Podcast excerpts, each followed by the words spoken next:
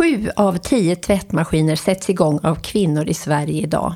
Sju av tio! Verkligen orättvist. Och det här ska vi prata om i dagens avsnitt av En kvart om Göteborg, en ren historia. För idag är temat tvätt och tvättstuga. Jag heter Christian. Och jag heter Ylva.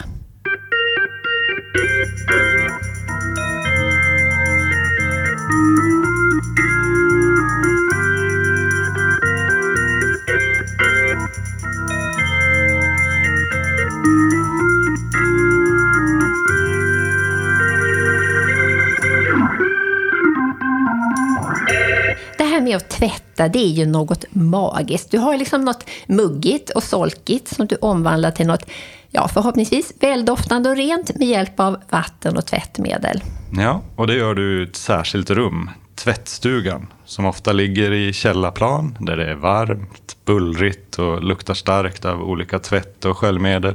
Kanske lite smuts också. Ja, och det här med tvätt, det är verkligen en slags vardagsalkemi som kvinnan obegripligt nog fortfarande har huvudansvaret för i vår tid. Ja, men där finns ju fortfarande en mån till förbättring. Ja, eller hur?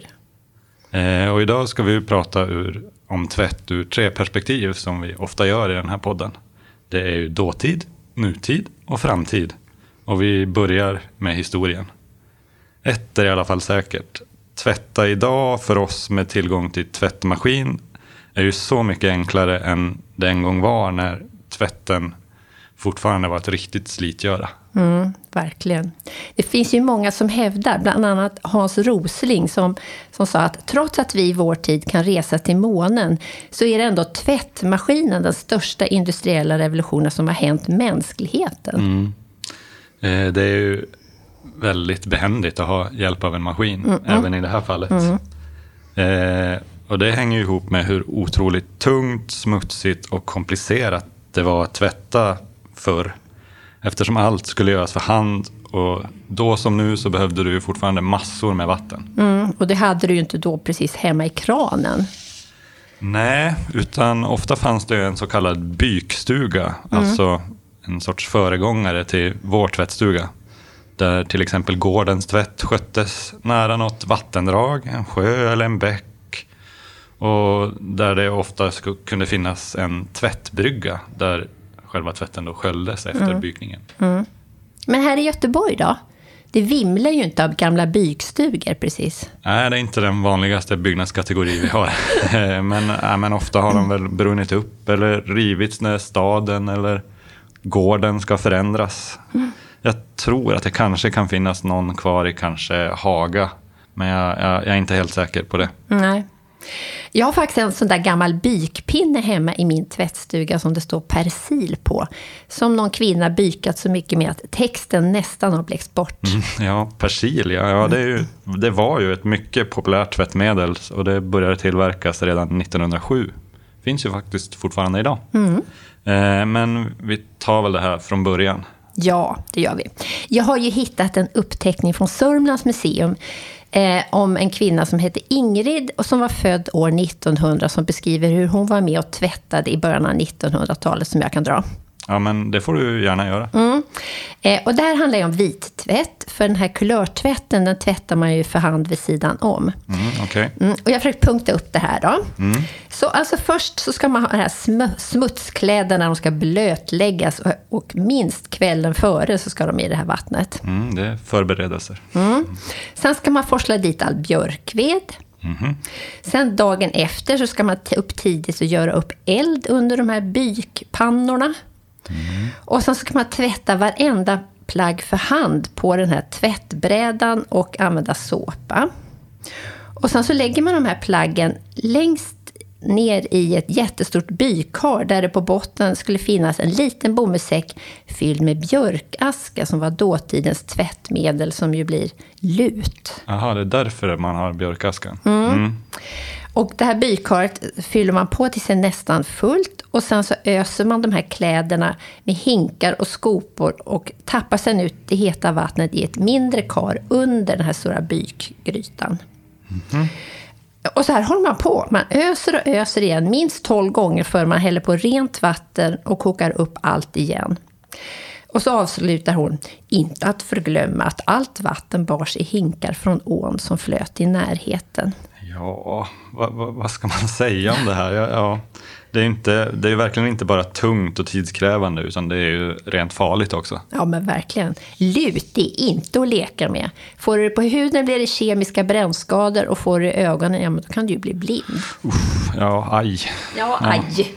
Eh, och idag får ju ingen hantera lut utan ordentlig skyddsutrustning, men de här kvinnorna hade ju stort hade i stort sett bara ett eh, förkläde eller en gammal säck knuten runt midjan, i bästa fall får man säga.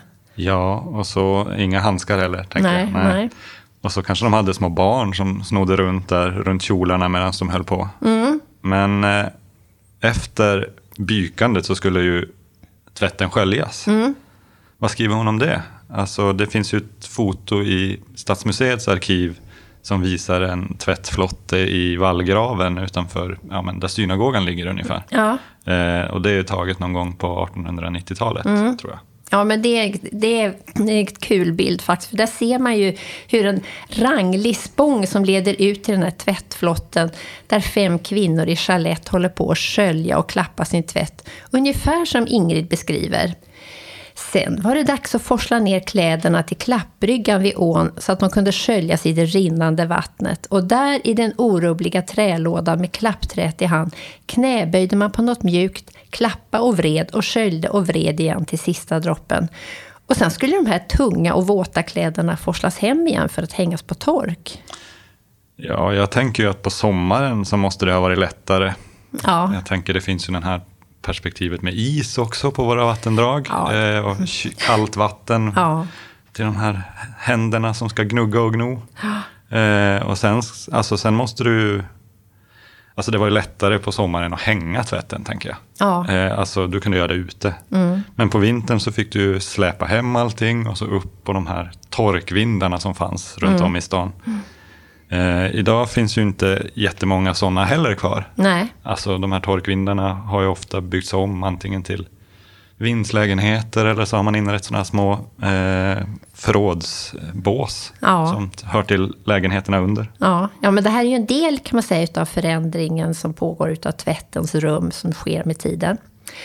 Eh, och torkvind behövs ju inte så mycket idag när en torktumlare fixar alla handdukar i ett vips. Nej, så slår jag ett slag för det moderna torkrummet där som finns på en del ställen också. Funkar jättebra.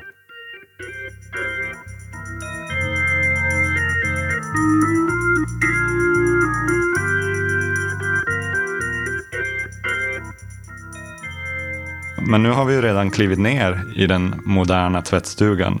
Men jag tänker att vi ska titta lite på den politik som ligger bakom den här förändringen. Ja, men nu pratar vi folkhem, eller hur? Ja, men eller hur? Alltså, ja, nej, men tvättstugan är ju en del av folkhemsbygget och där var ju den moderna husmodern en viktig aktör. Alltså, det kommer en undersökning på 1930-talet som visar att folkhemmets hemmafruar aldrig har någon fritid. Alltså rationaliseringen i industrin till exempel, det gav ju männen som jobbade möjlighet att ha semester. Det blev först lagstadgat 1938. Det var ju bara två veckor, men ändå. Eh, men hur skulle kvinnorna kunna vara lediga? Nej, för män och kvinnor kunde ju inte dela på hushållsarbetet. Nej, inte på den här tiden. Eh, istället skulle ju hemmet rationaliseras. Och då var ju tvättmaskinen något som underlättade. Det finns ju där Hemmets forskningsinstitut. De tog fram siffror som visade hur tid kunde vinnas på en, alltså en ny köksutrustning och en ordning av köket. Eh, här var ju USA föregångslandet som pekade på att konsumtion av köksmaskiner skulle göra husmodern både lycklig och ledig. Åh, och sitta isolerad i sitt kök. Eller var det någon form av kollektiva lösningar i det här? Då? Ja, men det var nog olika med det. Eh, men, eh, ja, nej, men HSB byggde på Guldheden i slutet på 40-talet. Eh, då tog de fram lite olika lösningar.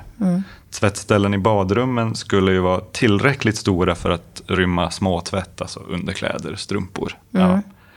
Eh, man hade också installerat, det här är ett härligt ord tycker jag, tvättgrytor i källaren. Men det fanns också tvättmaskiner som påminner om dagens i det här området. Förutom då att centrifugeringen, den fick man göra i en separat maskin, tror Mm. det eller ej. Ja. Eh, Det finns ju en reklam från Bohus Mekaniska Verkstad som är från den här tiden som är fylld av snärtiga utropstecken. Det står så här. Den bästa hjälpreda en husmor kan få. Bohus 5070. Hyreshusens och villornas fulländade tvättmaskin. Tänk vad denna maskin underlättar ert arbete. En ordinär hushållstvätt på 12 kilo klarar ni ledigt på tre timmar. Woho! Bara tre timmar. Ja, det är verkligen ett lyft får vi säga. Eh, eh, Men tvättstugans utveckling har ju spelat en stor roll för kvinnans frigörelse, det får vi ändå slå fast. Och på just Guldheden så byggs en central tvättanläggning som var dimensionerad för 3000 familjer. Åh, Herregud, nu pratar vi kollektiv stordrift. Ja, och trots det visar sig den här tvättcentralen inte räcka till, utan det behövdes byggas mindre tvättstugor runt om på området. Och det var ju inte bara i det här området. Eh, Det svepte verkligen en tvättstugevåg genom Sverige. Alltså på 15 år från 1950 till 1965 så ökade antalet svenska hushåll med tillgång till tvättstuga från 8 till 90 procent. Ja, det är ofattbart faktiskt. Vilket ordentligt klirr i kassan det gav då för alla vitvarubutiker. Eh, kan man tänka sig. Men hur gick det med den här föreställningen utom att, om att fler hushållsmaskiner gav mer fritid till hemmafruarna? Ja du, alltså redan på 70-talet så kom ju ny forskning som visade att tidsåtgången egentligen inte minskat alls. Istället har hushållsarbetet en förmåga att aldrig ta slut om man ser det som en helhet. Och arbetsbördan beror ju mer på hur många personer man är i hushållet som delar på den här bördan. Ja, hög igenkänning på det fortfarande kan vi säga. Okej? Jo, men det här med hur många som ingår Ja. som delar på det. Men Christian, nu blir det lite utfrågning. Mm.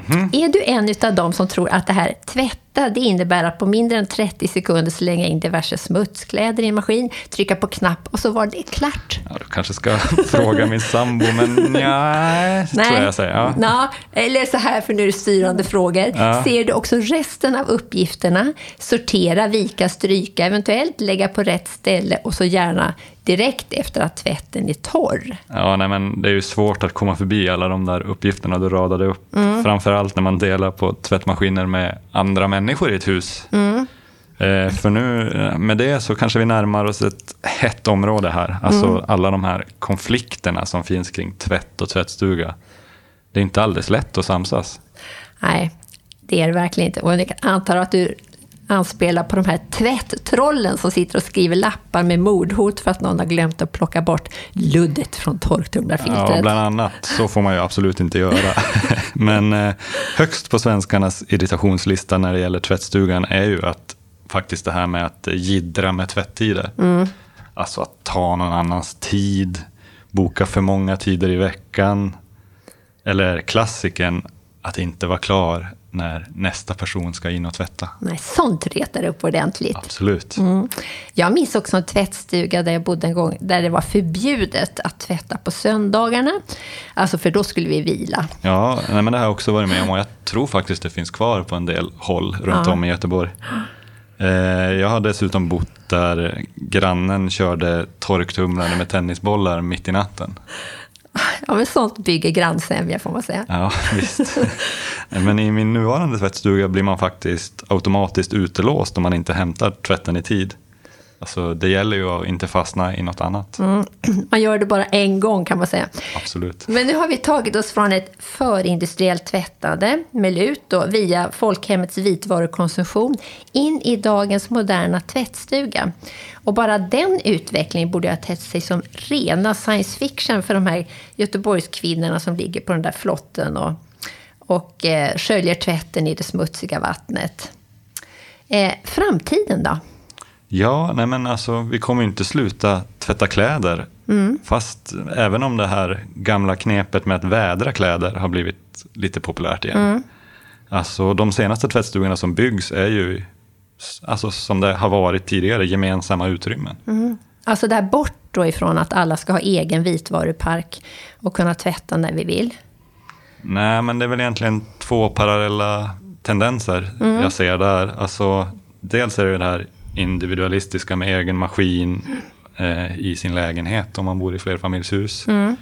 Men sen är det ju också den här gemensamma spjutspetsteknologiska loungen som vi kallar den. Mm. Där vi ska lite ledigt umgås med grannar samtidigt som vi tvättar i energisnåla maskiner och använder miljövänligt tvättmedel på något härligt sätt. Sådär. Mm, ja. eh, och där all bokning Chill. sker mm. säkert i någon app med sån här elektronisk nyckel och det är ja, men högteknologiskt. Mm. Och inga parfymcocktails och tändsiderbomber är tillåtna. Så är det nog. Mm. Det låter ju som vi måste vara mycket disciplinerade om vi ska klara av att sköta oss där. Det finns ju så många osynliga regler i tvättstugan. Ja, som överallt annars. Nej, men alltså jag tänker att det är bra att lära sig att samsas och med grannarna och faktiskt umgås. För det här är en av de få platser där man stöter på sina grannar, tänker mm. jag. Eh, eh, och vi får vårda de kontakterna. Mm. Det blir ju trots allt allt färre gemensamma utrymmen i samhället i stort. Mm. Men smutstvätt, det producerar vi oavsett vem vi är. Och i tvättstugan är vi alla lika. Det är ju demokratiskt på det viset. ja. Men jämställdheten då? Är det fortfarande kvinnor som ska sköta tvätten i Sverige i framtiden? Nå, nej, men det finns faktiskt eh, tvättmaskiner som ska få machomän att dra igång tvätten. Okej, okay, berätta. Ja, nej, men jag läste om en spansk designer som kommit med en uppfinning som innebär att tvättmaskinen Din tur känner igen fingeravtryck. Mm. Eh, så de personer som ska sköta tvätten får registrera sig och sen måste de turas om och trycka varannan gång för att maskinen ska starta. Alltså, ja, men det är en kul idé för att försöka påskynda en förändring istället för att hålla på och tjata. Men det kan ju inte vara hela lösningen. Nej, alltså vi kan väl bara konstatera att det kanske är dags att faktiskt börja dela lika på, på tvätten och mm. andra hushållssysslor. Mm. Jag kan gå i den här tvätttäten. Jag gillar ju både tvättstugor, alltså de här rejäla maskinerna, kanske står en gammal mangel där och så det här torkrummet som jag brinner så för. Mm. Men nu får vi faktiskt ta sluta för idag. Eh, tack så mycket för att ni har lyssnat. Ja, men tack för oss. Vi hörs nästa gång.